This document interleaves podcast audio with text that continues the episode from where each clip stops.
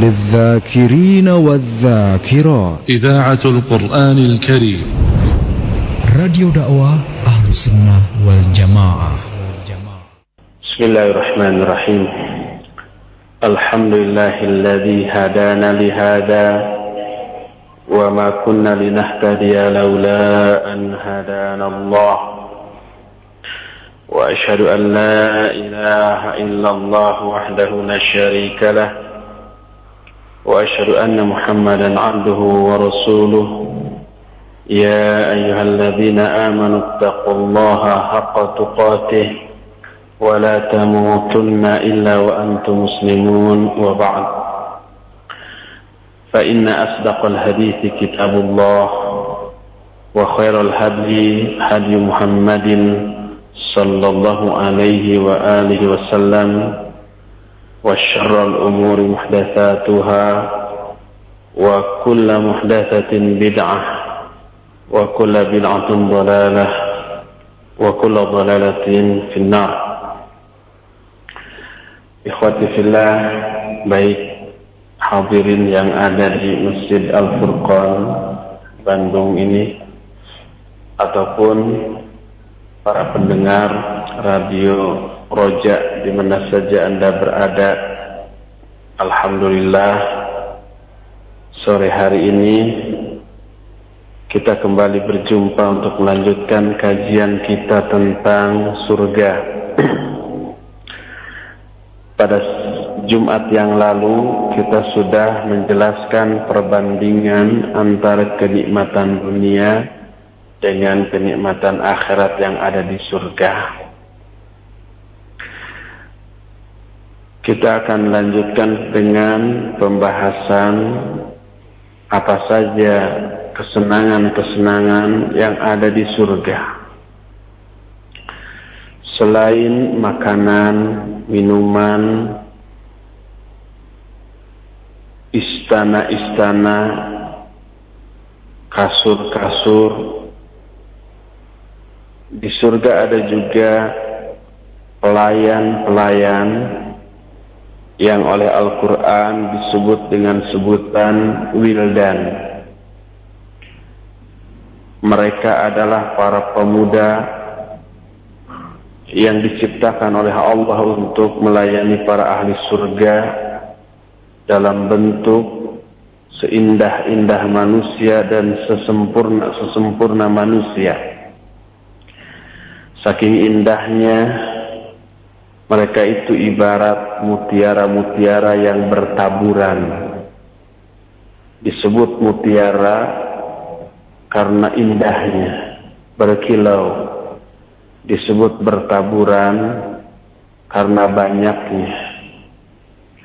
Allah berfirman dalam Al-Quran surah Al-Waqi'ah ayat 17-18 Yatufu alaihim wirdanu mukhalladun abariq wa ka'sim min ma'in Kata Allah subhanahu wa ta'ala mereka dikelilingi oleh para pelayan yang abadi dengan membawa gelas-gelas, cerek-cerek, dan piala-piala yang berisi air yang bening. Dalam Al-Insan 19 Allah berfirman, "Wa yatufu 'alaihim wildanu mukhalladun." Idza ra'aitahum hasibatahum lu'lu'an mansura. Mereka dikelilingi oleh pelayan-pelayan yang abadi. Apabila kamu melihat mereka, kamu akan mengira mereka adalah mutiara-mutiara yang bertaburan Berkata Al-Imam Ibnu Katsir rahimahullahu taala ketika menjelaskan ayat ini. Kata Imam Ibnu Katsir yatufu ala ahli al-jannati lil khidmah wildanun min wildani ahli al-jannah mukhalladun ay ala halatin wahidatin mukhalladuna 'alayha la yataghayyaruna 'anha la tazidu a'maruhum an tilka Kata Al-Imam Ibnu Katsir, para ahli surga dikelilingi untuk dilayani oleh para pelayan di antara pelayan-pelayan surga. Mereka abadi, maksudnya selamanya berada dalam satu keadaan yang tidak pernah berubah, umur mereka tidak pernah bertambah dari umur yang awal, dari umur ketika mereka diciptakan oleh Allah Subhanahu wa taala. Idza ra'aitahum hasibtahum lu'lu'an mansura. Kalau kamu melihat mereka, kamu mengira mereka itu mutiara-mutiara yang bertaburan. Artinya, kata Imam Ibnu Katsir ay idza ra'aitahum fi intisharihim fi qada'i hawaijis sadah wa kasratihim wa wa sabahati wujuhihim wa husni alwanihim wa thiyabihim wa hulihim hasibtahum lu'lu'an mansura wa la yakunu fi tashbih ahsan min hadha wa la fil manzari ahsan min al-lu'lu'il mansur 'ala al-makanil hasan makna dari ayat ini adalah apabila kamu melihat bertebarannya mereka dalam memenuhi kebutuhan-kebutuhan para ahli surga memenuhi keinginan-keinginan ahli surga. Jumlah mereka yang banyak, cerahnya wajah mereka, bagusnya rupa dan warna mereka, pakaian dan perhiasan mereka, maka kamu akan mengira bahwa mereka adalah mutiara-mutiara yang bertaburan. Tidak ada penyerupaan yang lebih bagus daripada ini. Tidak ada pemandangan yang lebih indah daripada ini yaitu bertebarannya mutiara-mutiara yang berkilau di tempat yang sangat bagus. Sebagian ulama ada yang menyatakan bahwa wildan atau pelayan surga yang dimaksud adalah anak-anak orang-orang mukmin atau anak-anak orang-orang musyrik yang mati sebelum mencapai usia balik. Tapi pendapat ini dibantah oleh para ulama lain. Di antaranya Syekhul Islam Al-Alamah Ibn Taimiyah rahimahullah menyatakan wal wildanul ladzina yatufuna ala ahli jannah khalqun min khalqil jannah laysu min abna'id dunya bal abna'ud dunya idza dakhalul jannah kamula khalquhum ka ahli jannah ala surati abihim Adam. Adapun wildan, pelayan-pelayan yang mengelilingi ahli surga. Mereka lah para makhluk di antara makhluk-makhluk surga. Mereka bukanlah penduduk yang pernah tinggal di dunia, bukan. Bahkan penduduk yang pernah tinggal di dunia apabila mereka masuk ke dalam surga sempurnalah bentuk fisik mereka seperti ahli surga pada umumnya dalam bentuk bapak-bapak mereka yaitu Adam alaihi salatu wassalam Penjelasan Syekhul Islam ini bisa kita temukan dalam Majmul Fatawa juz 4 halaman 279 yang menunjukkan bahwa di surga ada pelayan-pelayan. Sehingga ahli surga untuk menggapai kesenangan dan keinginan mereka tidak perlu capek-capek sendiri. Makan tidak perlu masak, tinggal am. Minum tinggal rot, dan seterusnya. Inilah hal pertama keindahan dan kesenangan yang ada di surga. Kedua, di surga juga ada pasar. Tapi yang dimaksud pasar di surga bukan tempat transaksi atau jual beli. Di surga itu pasarnya hanya sekedar tempat untuk berkumpulnya para ahli surga. Para ahli surga pergi ke pasar tersebut ke tempat berkumpulnya mereka sejumat sekali. Maknanya bukan ada hari Jumat, Senin, Selasa, Rabu dan seterusnya. Tetapi maknanya adalah sepekan sekali. Sebagaimana nanti dijelaskan oleh Imam An-Nawawi rahimahullah.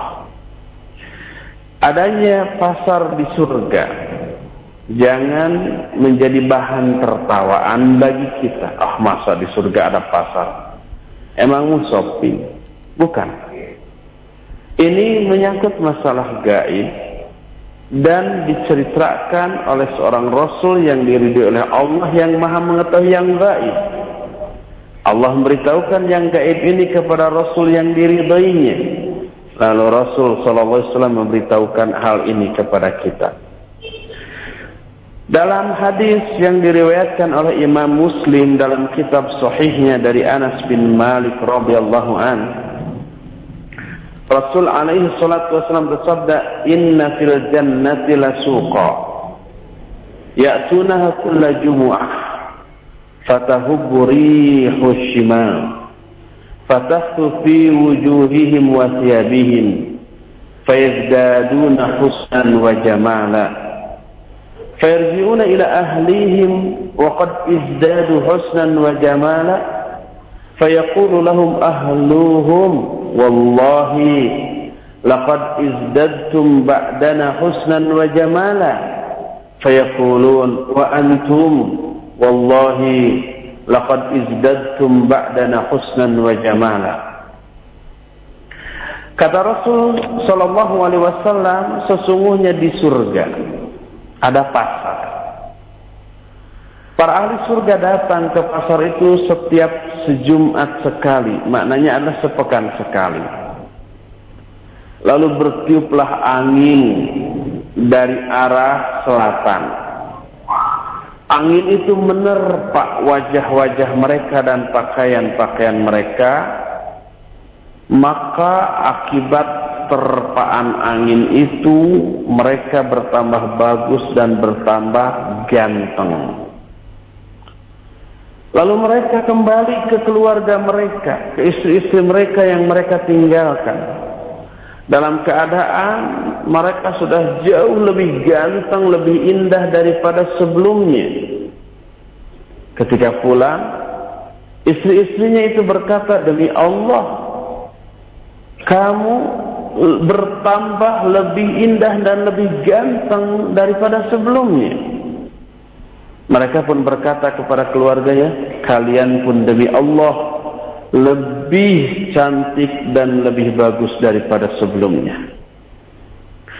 Berkata Imam An-Nawawi rahimahullah di dalam kitab Syarah Sahih Muslim ketika menjelaskan hadis ini, kata beliau, Al-muradu bis مجمع لهم يجتمعون كما يجتمع الناس في الدنيا في السوق. ومعنى يأتونها كل جمعة أي في مقدار كل جمعة أي أسبوع. وليس هناك حقيقة أسبوع. لفقد الشمس والليل والنهار. وخص ريح الجنة بالشمال لأنها ريح المطر عند العرب.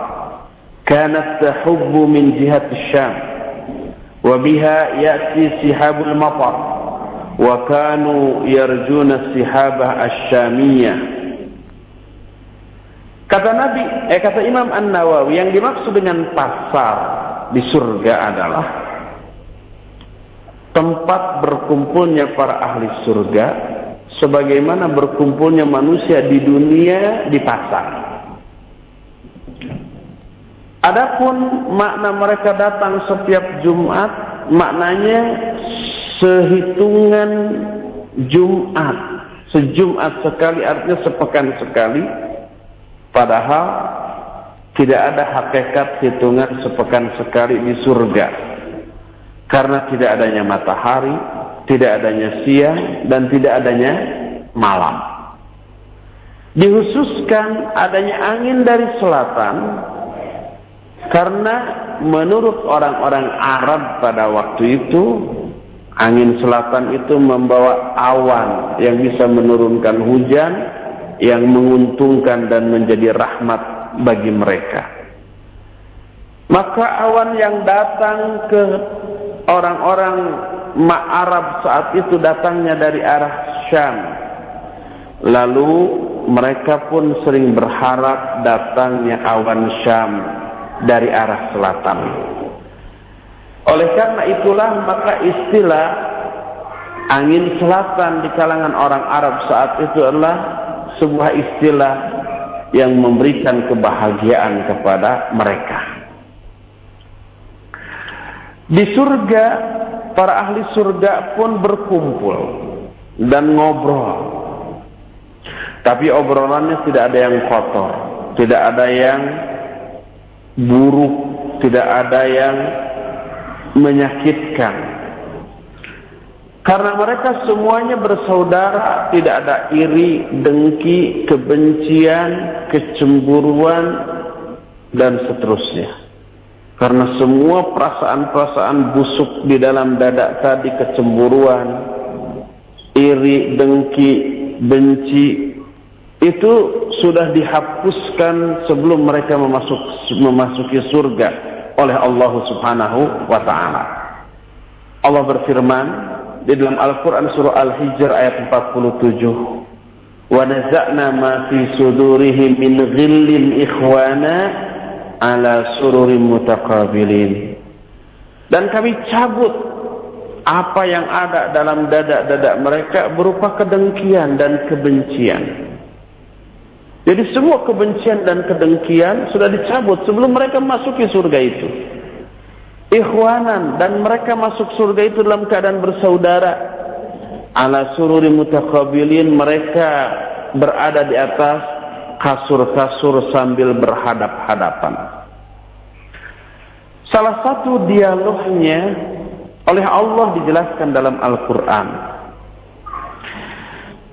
Di dalam surah Tur ayat 25 Allah berfirman wa aqbala ba'dhum 'ala ba'di yatasaalun qalu inna kunna qablu fi ahlina mushfiqin famanna Allahu 'alaina wa waqana 'adzab as-samum inna kunna min qablu nad'u innahu huwal barrur rahim kata Allah maka sebagian mereka saling berhadap-hadapan dengan sebagian yang lain. Yatasaalun sambil saling bertanya saling menyapa. Kalau mereka berkata inna kunna qablu fi ahlina musyfiqin dulu. Kami ketika di dunia di tengah-tengah keluarga kami kami merasakan ketakutan.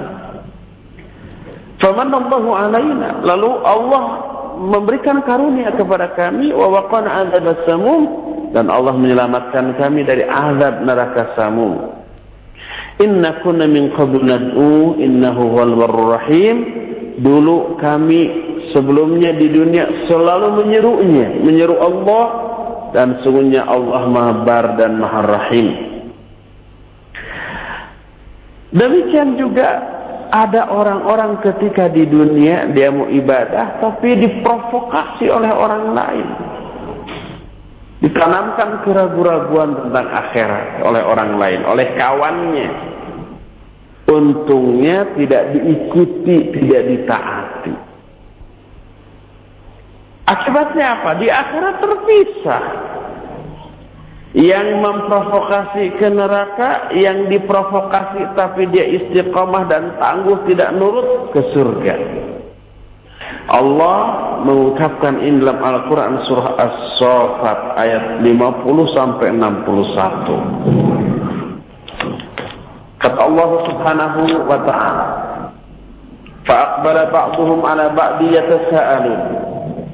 قال قائل منهم إني كان لي قرين.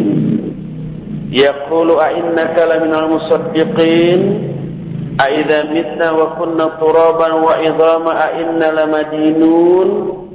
قال هل أنتم مطلعون؟ فاطلع فرآه في سواء الجحيم. qala tallahi in kitta laturdin ولولا نعمة ربي لكنت من المحضرين.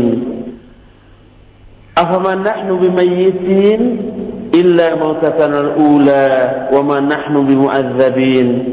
إن هذا لهو الفوز العظيم. لمثل هذا فليأمل العاملون. Maka para ahli surga saling berhadapan satu sama lain dan saling bertanya. Berkatalah salah seorang di antara ahli surga itu. Inni kana li qarin dulu ketika di dunia aku punya qarin. Qarin itu kawan dekat.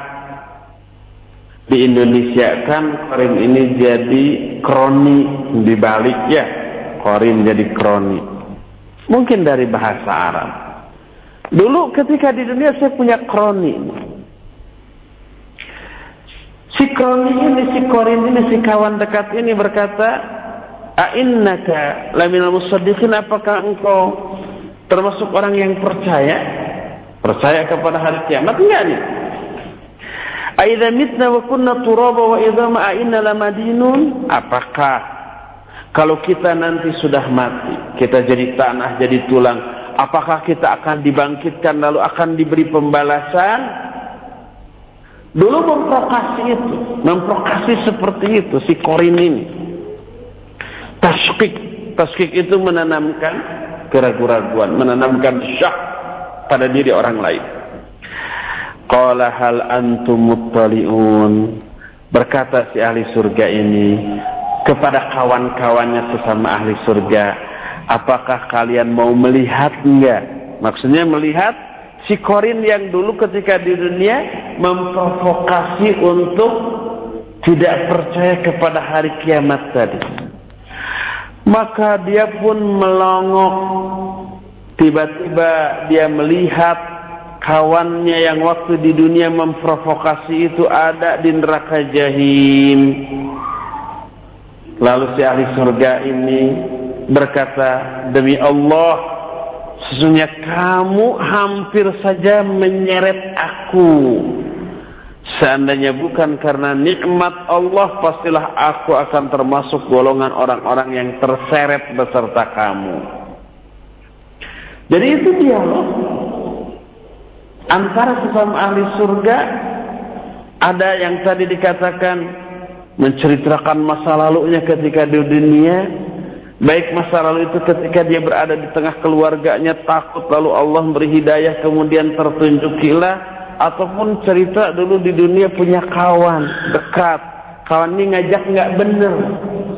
Kalau dalam Al-Quran ngajak nggak benernya itu berupa taskik terhadap hari kiamat menanamkan keraguan-raguan terhadap hari kiamat Mungkin pada zaman sekarang di tengah-tengah kita tidak begitu ajakannya. Ajakannya kepada kesesatan lain, penyimpangan lain, kemaksiatan lain dan seterusnya. Itulah keadaan di surga di kalangan para ahli surga. Selain itu, ahli surga pun di akhirat di surganya nanti berangan-angan angan-angannya sesuai dengan profesi mereka ketika di dunia. Lalu mereka menginginkan kepada Allah agar angan-angannya ini terwujud dengan sangat memuaskan. Dan oleh Allah subhanahu wa ta'ala dipenuhi. Setidaknya ada dua riwayat yang menceritakan dua jenis angan-angan ahli surga yang dipenuhi oleh Allah subhanahu wa ta'ala. Bukan berarti angan-angan mereka hanya dua karena profesi mereka hanya dua. Bukan, yang lainnya banyak tapi tidak diceritakan. Pertama yang diceritakan ini petani. Petani, aduh kalau kita lihat, antum yang di kota jarang melihat sawah gitu ya. Jangan jarang melihat bagaimana orang bertani, mungkin tidak bisa membayangkan apalagi merasakan. Kalau saya rumahnya dekat sawah, mertua saya sendiri petani. Itu bertani itu capek luar biasa. keuntungannya nggak seberapa, kadang-kadang plus plus. Arti plus plus antara biaya yang dikeluarkan dengan hasil yang didapat itu lepas gitu. Biaya yang dikeluarkan untuk biaya operasional sejuta umpamanya hasilnya ketika dijual juga pas sejuta. Eh. Ada yang rugi walaupun ada juga yang untung. Kalau untung tidak begitu banyak petani itu. Tapi kenapa mereka bertahan? Ada kepuasan batin. Terutama setelah hasil panennya berhasil melimpah. Uh, luar biasa itu. Keuntungannya nggak seberapa, tapi kepuasan batinnya itu loh. Coba tanya kepada profesi apa pun, umpamanya tukang bangunan. Tukang bangunan setelah dia membangun ada keuntungan yaitu dibayar. Tapi ada keuntungan yang tidak bisa dihargai dengan uang. Kepuasan setelah melihat hasil karya bangunannya itu begitu bagus, kokoh dan memuaskan si pemilik. Itu tidak bisa diukur loh dengan bayaran uang. Nah di surga ada petani yang berangan-angan ingin bertani dan hasil panennya memuaskan dipenuhi oleh Allah dalam waktu yang super singkat. Diceritakan dalam kitab Sahih Bukhari diterima dari Abu Hurairah radhiyallahu anhu. Nabi sallallahu alaihi wasallam kata Abu Hurairah anna Nabi sallallahu alaihi wasallam kana yatahaddatsu wa indahu rajulun min ahli badiyah Nabi SAW waktu itu sedang bercerita. Di samping beliau ada seorang Arab Badui. Nabi berkata dalam ceritanya inna rajulan min ahli jannah ista'zana rabbahu fil fizzar faqala lahu alasta fima syi'ta? Qala bala walakin uhibbu zara' Kata Nabi SAW ada seorang ahli surga minta izin kepada Allah untuk bercocok tanam.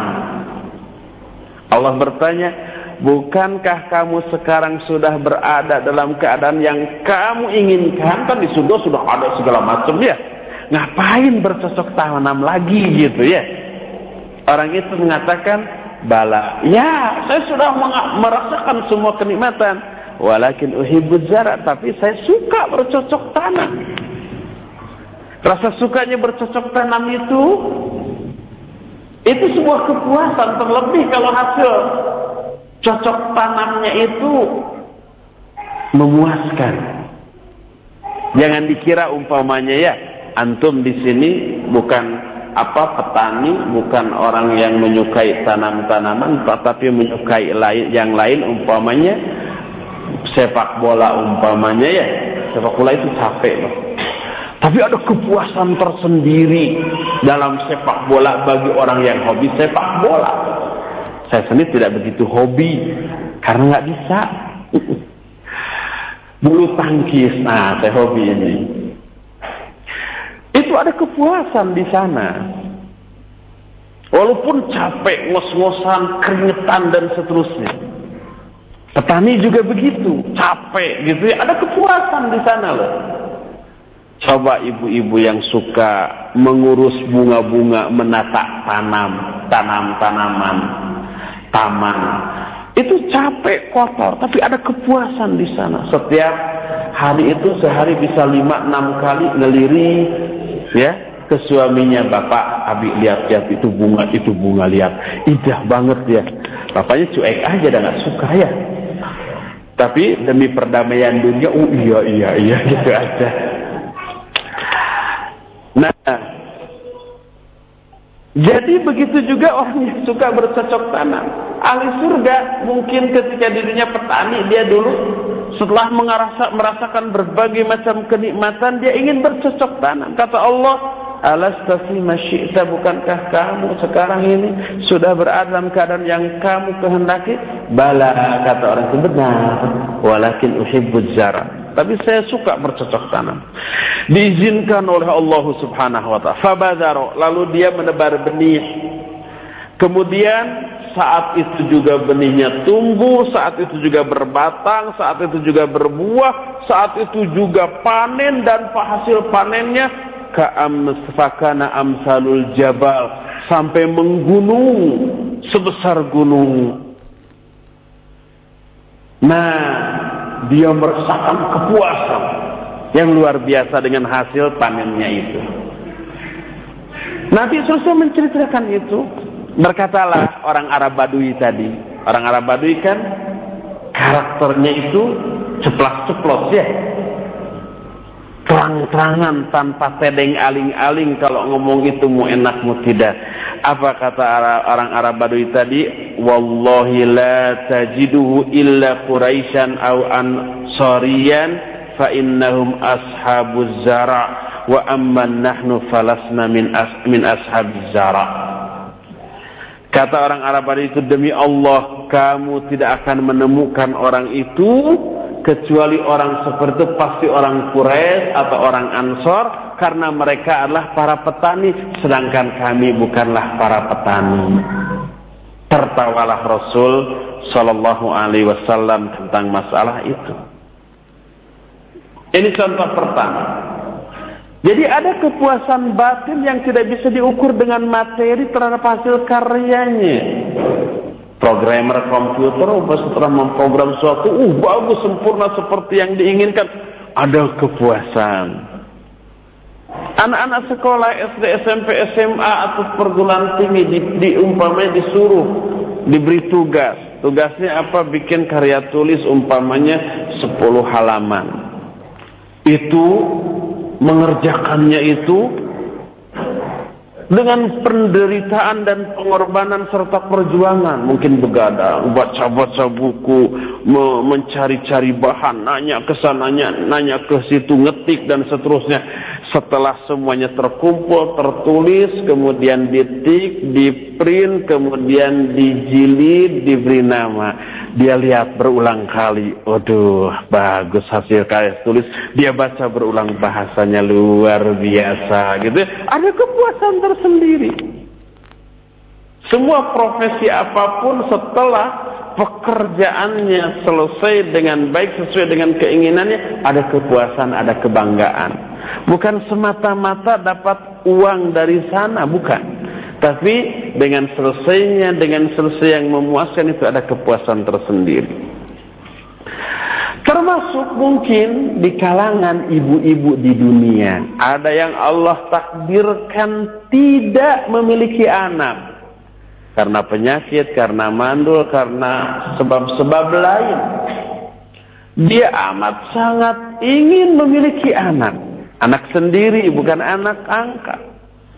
Sampai dia berangan-angan lebih baik saya diberi anak 50 daripada tidak punya anak sama sekali. Orang yang punya anak 10 bilang, aduh daripada punya anak kayak begini lebih baik gak punya anak sama sekali. Terbalik ya. Seperti itu. Tapi ada ibu-ibu yang tidak memiliki anak dan amat sangat menginginkan punya anak. Pasti ada kebanggaan tersendiri loh mengandung yang susah, ya, ngidamnya menderita, melahirkannya sakit luar biasa.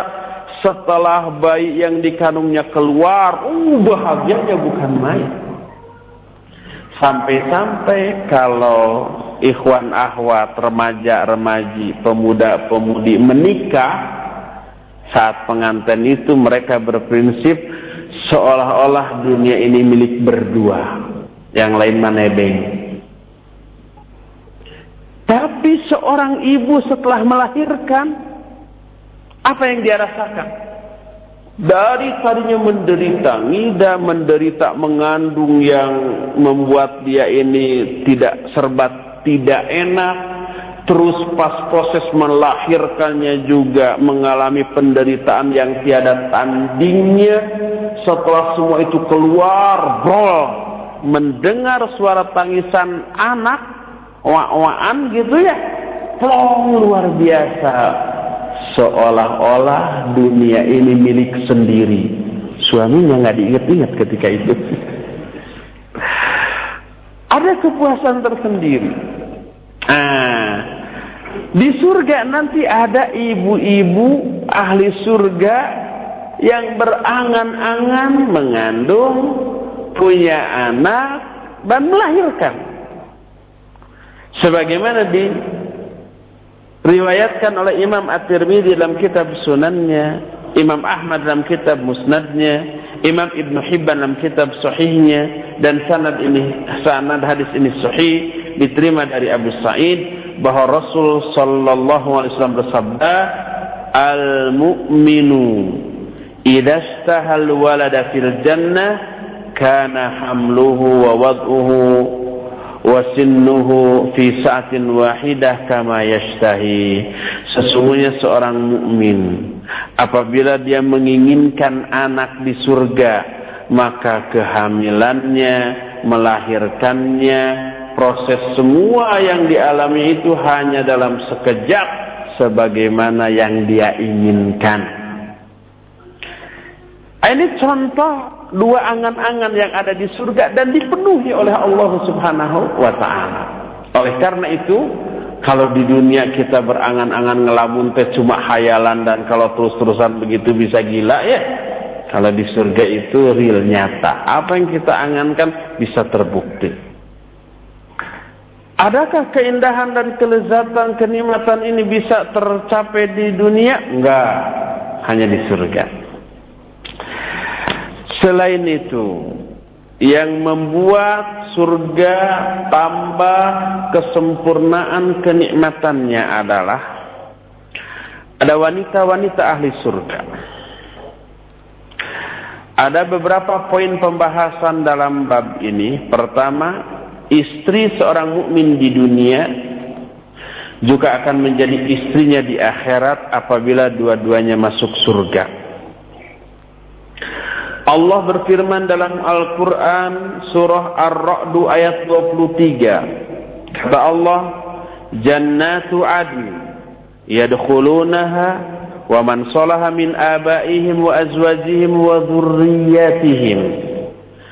Mereka akan masuk surga Aden dan orang-orang yang soleh dari kalangan bapak-bapak mereka, istri-istri mereka, dan anak-anak turunan-turunan mereka. Jadi mereka masuk surga itu dengan bapak-bapaknya, istri-istrinya, dan anak-anak turunan mereka semua.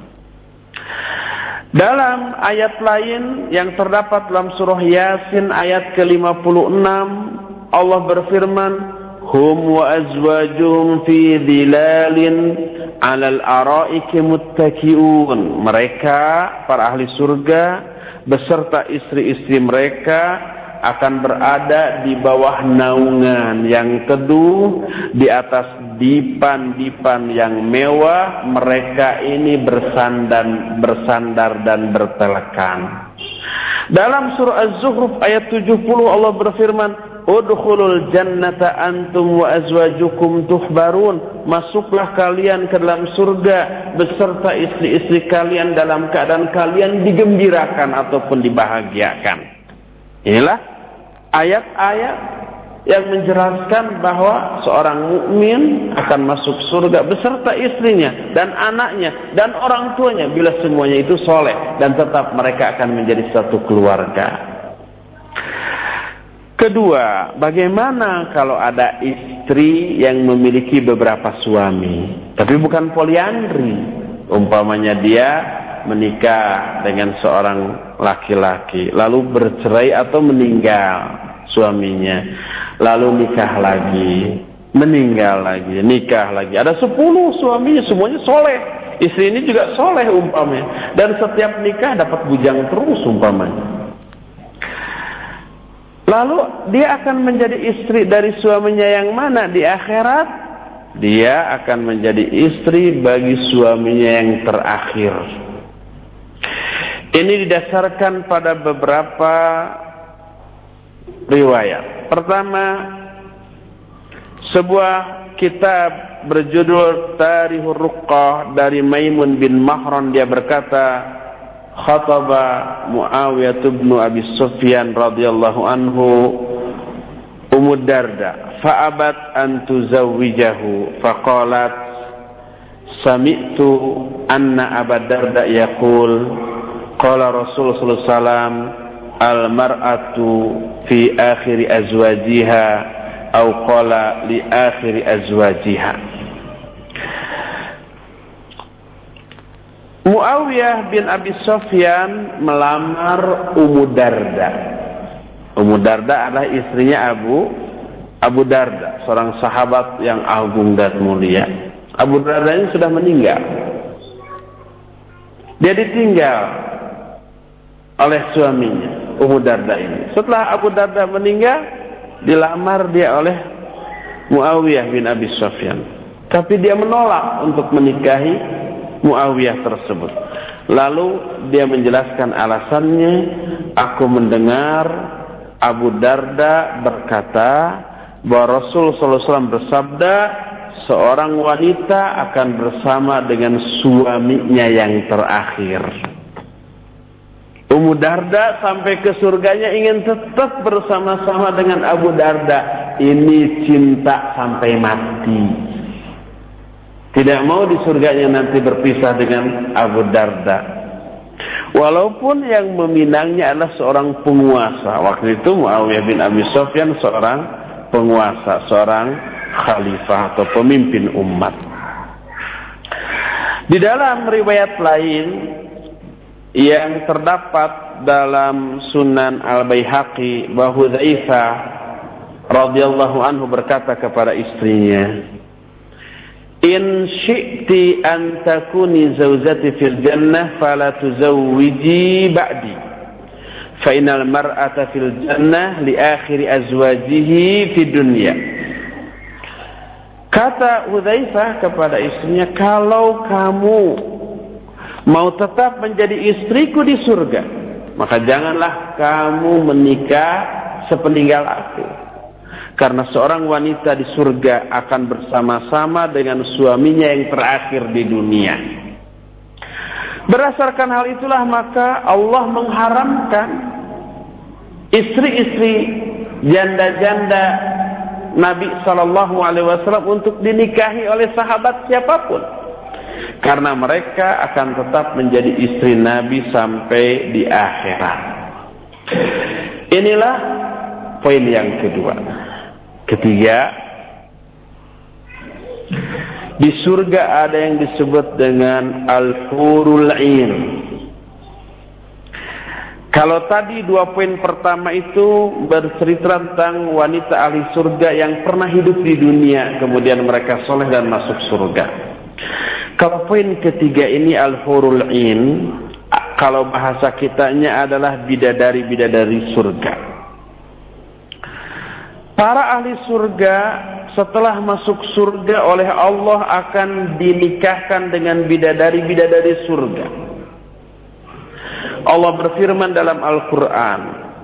Kata Allah, "Kadzalika wa zawwajnahum bihurin in." Demikianlah kami nikahkan mereka dengan bidadari-bidadari surga. Hur jamak dari haura In jamak dari aina. Adapun haura wahya allati yakunu bayadu ainiha syadidul bayad atau syadidal bayad wa sawaduhu syadidat sawad.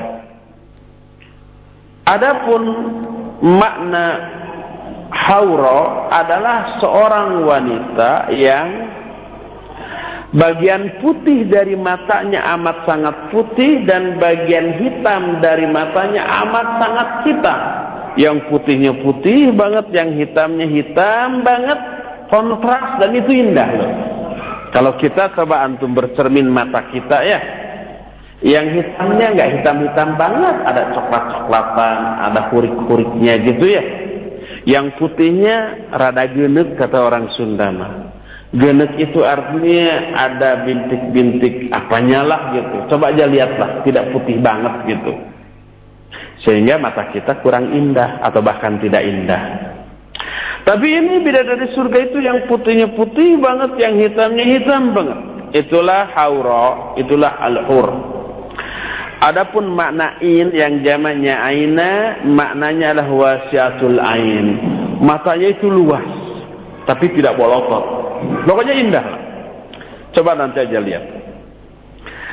Allah menceritakan tentang hurul in atau bidadari surga itu dengan banyak menjelaskan keindahan mereka dari beberapa sisi. Pertama, dalam surah An-Naba 31 sampai 33 dikatakan innalil muttaqina mafaza hadaiqa wa a'naba wa kawa'iba atraba Sesungguhnya bagi orang-orang yang takwa mafaza ada keberuntungan. Apa saja keberuntungan dirinci? Pertama, hadaiqa wa a'naba. Hadaiq itu jamak dari hadiqah. Hadiqah itu kebun atau taman. Tapi jangan dibayangkan taman di Bandung. Bala gitu ya, banyak sampah, kotor, pesing gitu ya. Jangan, itu indah, indah. Wa anaba dan banyak inab-inab e, anggur. Anggurnya jangan dibayangkan asam nih, saya nggak suka anggur mah. Makan di surga anggur hungkul. Enggak. Itu manisnya luar biasa. Wa kawaiba atroba, ada juga kawaiba atroba. Saya terjemahkan dulu atroba. Kawaibanya di dilewat. Saya hampir-hampir masih bimbang sekarang juga apa diterangkan nggak kawaiba gitu ya. Kalau diterangkan rikuh sayangnya. Kalau diterangkan khawatir menyembunyikan ilmu. Jadi gimana sobat? Asroba itu ada sebaya. Adapun kawaib saya bacakan ada apa adanya. Al-kawaib jamak dari kaib. Kaib itu al-mar'atul jamilatul lati barojasadiyaha. Tuh gimana menerjemahkan itu? Kawaib artinya wanita-wanita yang cantik yang baroza menonjol sadiyaha kedua buah dadanya. Sudah sampai sana, jangan diperlebar. Itu kawaib. Adapun atroba artinya sebaya, mutaqaribat sisin yang sebaya dari segi usia. Itu sebaya dengan ahli surga. Dan dalam ayat lain Allah berfirman, Inna ansha'nahunna insya'a faja'alnahunna abkara uruban atroba. Ini kriteria lain dari hurul in ini. Kata Allah, Inna ansha'nahunna insya'a Sesungguhnya kami menciptakan mereka insya'a secara langsung oleh Allah. Bidadari-bidari surga ini. Faja'alnahunna abkaro kami jadikan mereka itu gadis-gadis selamanya. Uruban asroba, uruban itu makna dari uruban adalah al-mutahabbibat di azwajihinna. Terus disebutkan juga al-ghanazat. Al-ghanazat itu wanita-wanita yang penuh gairah yang sangat amat sangat mencintai suaminya. Bayangkan, seorang wanita amat sangat mencintai pasangannya di akhirat dan penuh gairah. Itu yang disebut dengan uruban atsroba. Bidadari surga ini asli, orisinil, utuh, wete, kata orang Sunda mah, baru belum pernah tersentuh oleh siapa pun.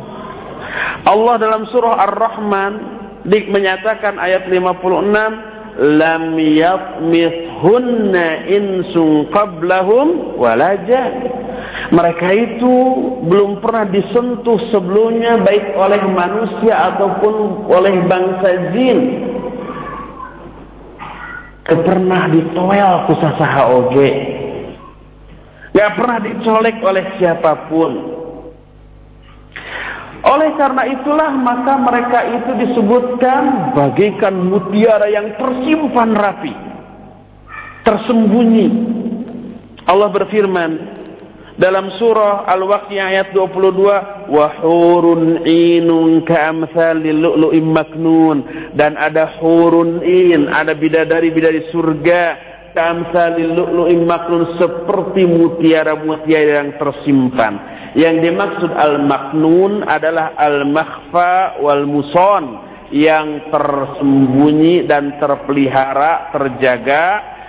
Alladhi lam yughayyir safa'u launiha daw'u syam wala abathul yang uh, si mutiara tersebut ya kilauannya tidak pernah redup karena sorotan sinar matahari atau karena sentuhan tangan-tangan iseng? Enggak. Enggak pernah. Utuh grace benar-benar itu. Di dalam ayat lain surah Ar-Rahman 5658 Allah berfirman Fihinna qasiratut tarfi insun qablahum wala jan. Fabi ayyi ala'i rabbikuma tukadziban ka'annahunna al-yaqut wal marjan.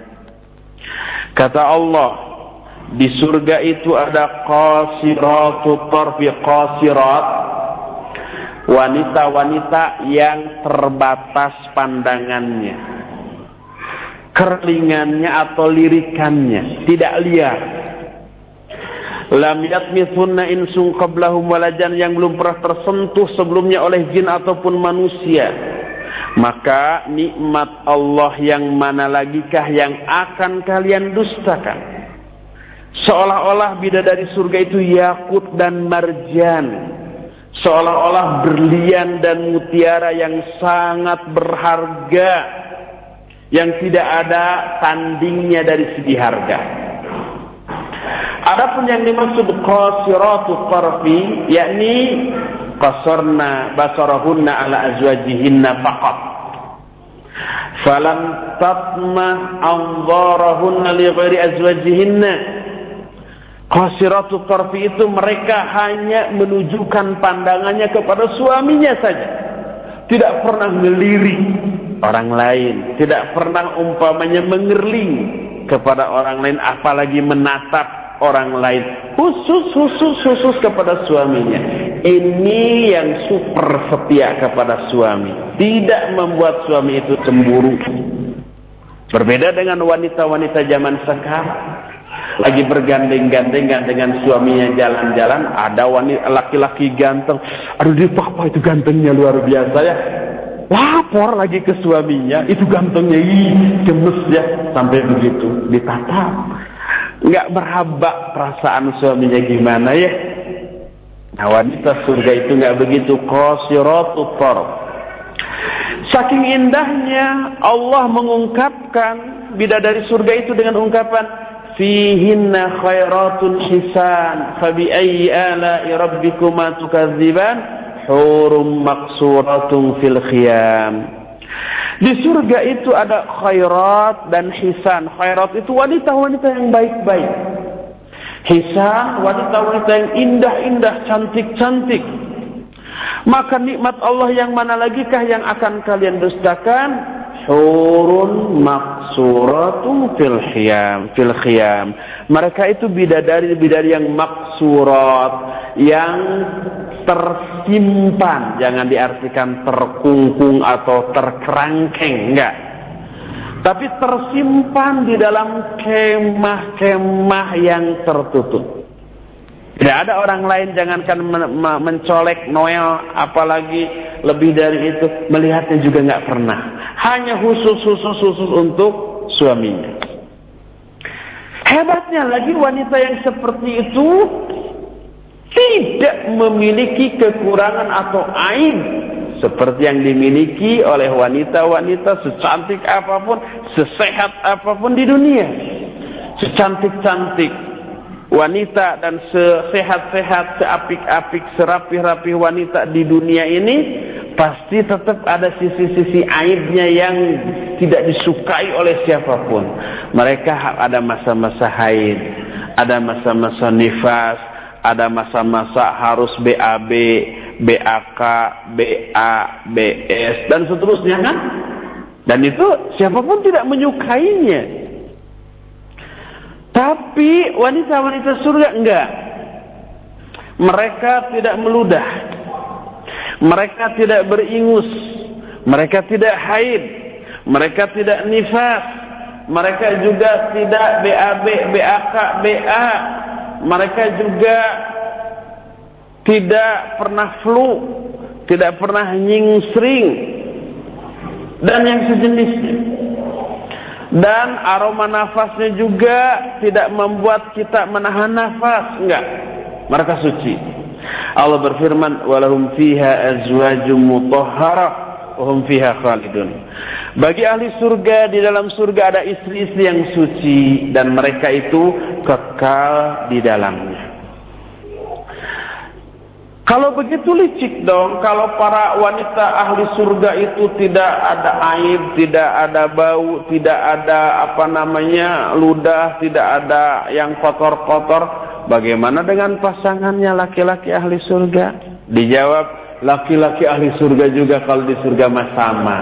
Tidak meludah, tidak beringus, tidak BAB dan seterusnya. Sebagaimana dijelaskan dalam hadis sahih Bukhari dan Muslim dari Abu Hurairah radhiyallahu an Rasul sallallahu alaihi bersabda awwalu zumratin talijul jannata suratuhum ala suratil qamari lailatal la yamtakhitun wa la yataghawatun aniyatuhum fiha adh-dhahab amshatuhum min adh-dhahab wal fiddah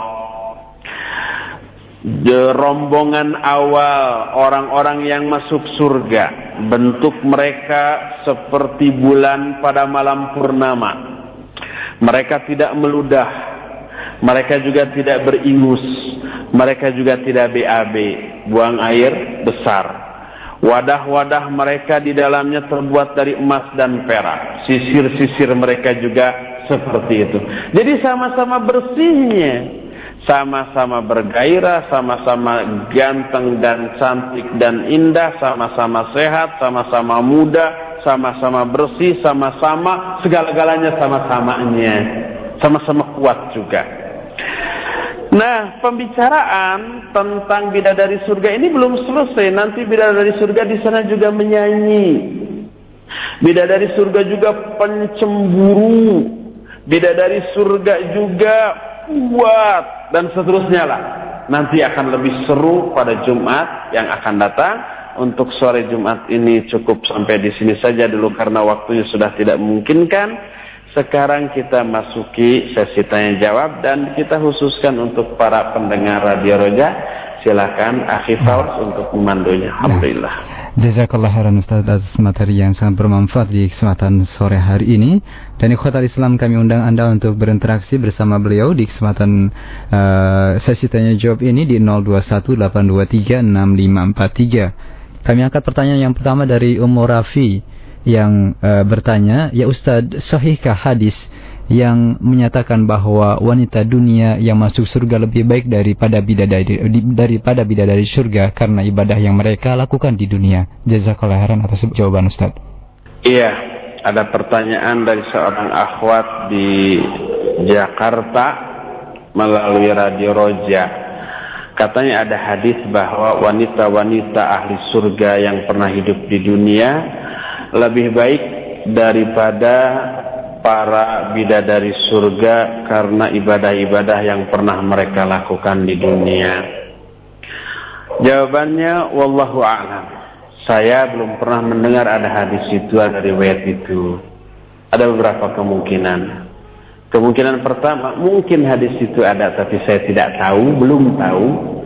Kedua mungkin tidak ada, tapi yang ditanyakan tadi sekedar penjelasan para ulama bahwa wanita ahli surga lebih baik daripada bidadari surga dari segi kalau para wanita ahli surga itu sudah teruji ketika di dunianya digoda, diuji uh, oleh berbagai macam godaan, fitnah, tapi mereka tangguh, istiqamah, tetap iman, tetap amal soleh, tetap bertauhid, tetap bijan Allah, akhirnya ke surga. Adapun bidadari surga, mereka tidak pernah hidup ke dunia dan diuji seperti halnya diujinya para wanita ahli surga tadi. Dari sisi ini jelas para ahli surga itu para wanita ahli surga lebih utama dibandingkan dengan bidadari-bidadari surga di akhirat nanti. Wallahu a'lam bishawab. Silakan. Nah, jazakallah khairan atas jawaban Ustaz. Berikut dari Pak Iqbal di Kampung Melayu, Jakarta. Silakan Pak Iqbal. Assalamualaikum. Waalaikumsalam warahmatullahi Ustaz, Iqbal mau tanya Ustaz. Silakan. Halo. Nah, silakan Pak. Ya Ustaz, uh, uh, untuk di dunia ini banyak nikmat Allah uh, dari mulai udara, angin, rasa kenyang. Terus Iqbal mau tanya, di surga kelak nikmat Allah lebih banyak lagi nggak Ustaz? hamba-hambanya yang masuk surga. Iya. Terima kasih Ustaz. Assalamualaikum. Waalaikumsalam warahmatullahi wabarakatuh. Pak Iqbal bertanya bahwa di dunia kita memperoleh banyak kenikmatan ya, nikmat makanan, minuman dan seterusnya. Pertanyaannya, apakah di surga lebih banyak kenikmatannya dibanding dunia ataukah sebaliknya? Jawabannya pernah tersirat pada kajian-kajian sebelumnya bahwa kenikmatan dunia ini hanya sedikit, sedangkan kenikmatan di akhirat sangat banyak Sampai dibandingkan oleh Rasul SAW dalam hadis sahih riwayat Imam Muslim, ibarat kita mencelupkan jari ke air lautan, lalu kita angkat, nah air yang menetes dari jari kita itulah dunia, sedangkan lautan yang sangat luas itulah akhirat. Oleh karena itu kenikmatan akhirat jauh lebih banyak pertama dan kualitas kenikmatannya jauh lebih nikmat. Umpamanya ya, di dunia ada buah-buahan yang namanya delima ya. Delima di dunia tidak begitu disukai. Makanya saya belum pernah melihat di tukang buah-buahan ada yang jual buah delima ya. Karena mungkin kurang disukai dari segi rasa gitu ya. Di akhirat ada delima, tapi rasanya jauh tidak sama. Di dunia ada buah-buahan, di akhirat ada buah-buahan yang sama tetapi rasanya jauh berbeda. Jadi kenikmatan di akhirat baik dari segi kuantitas, jumlah ataupun dari segi kualitas lebih banyak dan lebih nikmat dibanding apa pun yang ada di alam dunia. Oleh karena itu kalau pertanyaannya apakah di akhirat ada kenikmatan dan lebih banyakkah? Iya ada dan lebih banyak dibandingkan dengan kenikmatan yang ada di dunia. Wallahu a'lam. Nah, silakan. Jazakallah heran jawaban Ustaz. Berikutnya dari Ibu Lis di Jakarta yang sudah masuk. Silakan Ibu. Ya, Assalamualaikum Pak Ustaz. Waalaikumsalam warahmatullahi wabarakatuh. Ya, saya pernah mendengar kajian Bapak sebelumnya Pak mengenai um, empat kriteria yang um, masuk surga tanpa hisap uh, salah satunya kan tidak apa tatoyur atau tidak diminta apa namanya uh, ya. di tidak obati pokoknya salah satu empat itu tapi ya. uh, kalau zina itu bagaimana gitu uh, Pak Ustadz Iya. Uh, kan kemarin cuma empat kriteria itu. Nah kalau orang berzina atau yang membuat kemaksiatan lainnya itu bagaimana gitu Pak Ustadz?